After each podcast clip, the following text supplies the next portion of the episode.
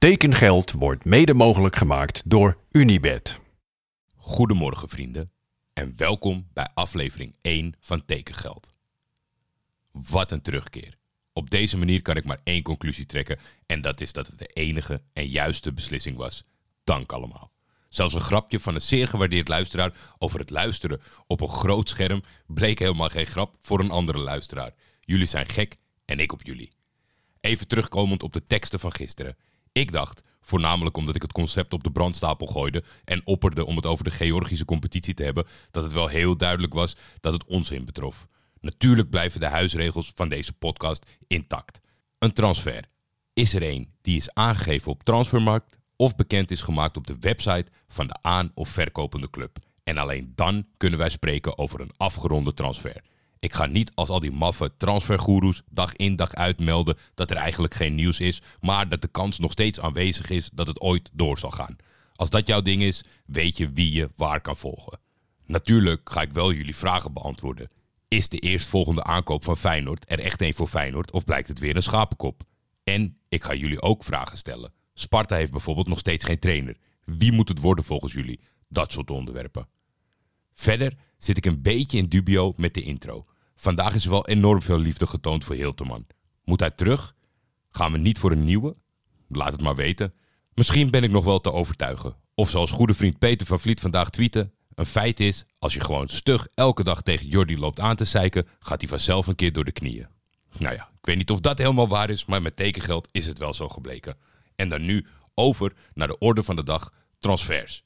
Toen ik vanochtend Transfermarkt opende, was de laatste bevestigde transfer die van Matus Bero naar Bochum.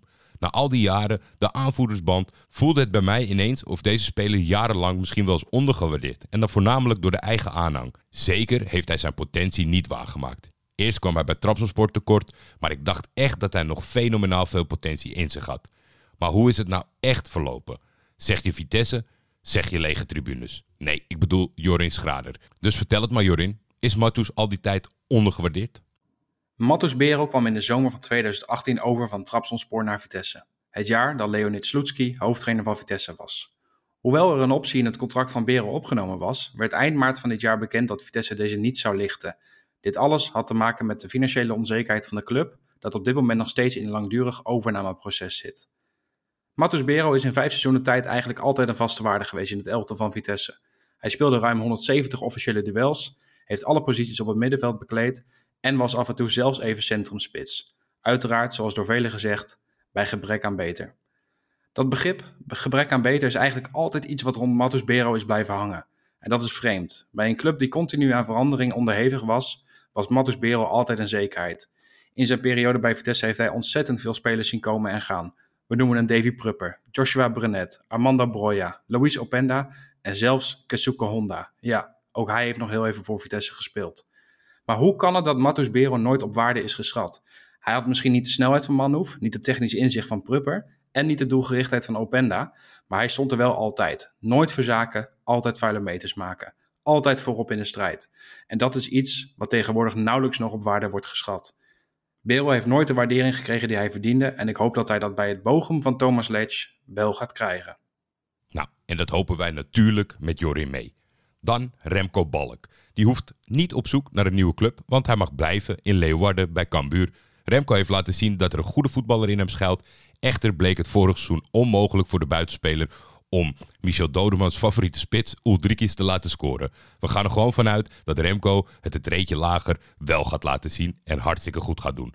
Al kreeg ik weinig enthousiasme bij Cambuur tekengeld clubwatcher Wessel los deze dag.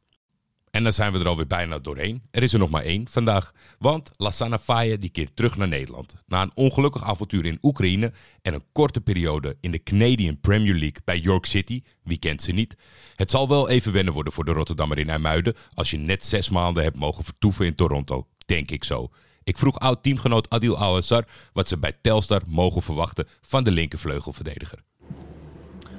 Hey, met Adil. Ja, waar moet ik beginnen? Uh, Lassana Faye. Um, daar speelde ik mee toen wij zijn gepromoveerd met uh, Sparta uh, richting de Eredivisie. Daar was hij een heel belangrijk onderdeel van. Uh, was een belangrijk onderdeel van de groep. Een jongen met superveel humor. Um, Een jongen die open is. Een jongen die zich nergens te groot voor voelt. Een echte teamspeler. Maar wat ik me het meeste van hem kan herinneren is dat het een goed mens is. Uh, wat me echt bijgebleven is van Lassane Faye. Is dat het een goed mens is. Uh, dat hij altijd het beste voor heeft met iedereen. Een eerlijke jongen. Altijd voorop in de strijd gaat. Uh, met wie je alles kunt bespreken. En ja, ik kan eigenlijk niet, niks anders zeggen dan alleen positieve dingen. En ja, ik heb genoten van mijn tijd samen met hem. Ik denk heel de club. En ik heb hem even, even niet meer gesproken. Maar ik weet dat hij hele goede dingen, maatschappelijke dingen aan het doen is naast voetbal. En ik wil hierbij ook uh, ja, hem zeggen: ga vooral zo door en blijf vooral jezelf. Want uh, je bent een fantastisch persoon. Groetjes, oi oi. Nou, het mogen duidelijk zijn. De club van Leo Driessen, Telstar, heeft er een schitterend uithangbord bij. Die zelfs weet wat promoveren is. Zou het dan misschien dit seizoen? Ik weet het niet. In ieder geval jullie. Tot morgen. Tekengeld is een Schietvogeltje Media Original en wordt dit seizoen in samenwerking met FC Afkikken gemaakt. Voor commerciële vragen kun je altijd mailen naar schietvogeltjemedia.gmail.com of contact opnemen met FC Afkikken.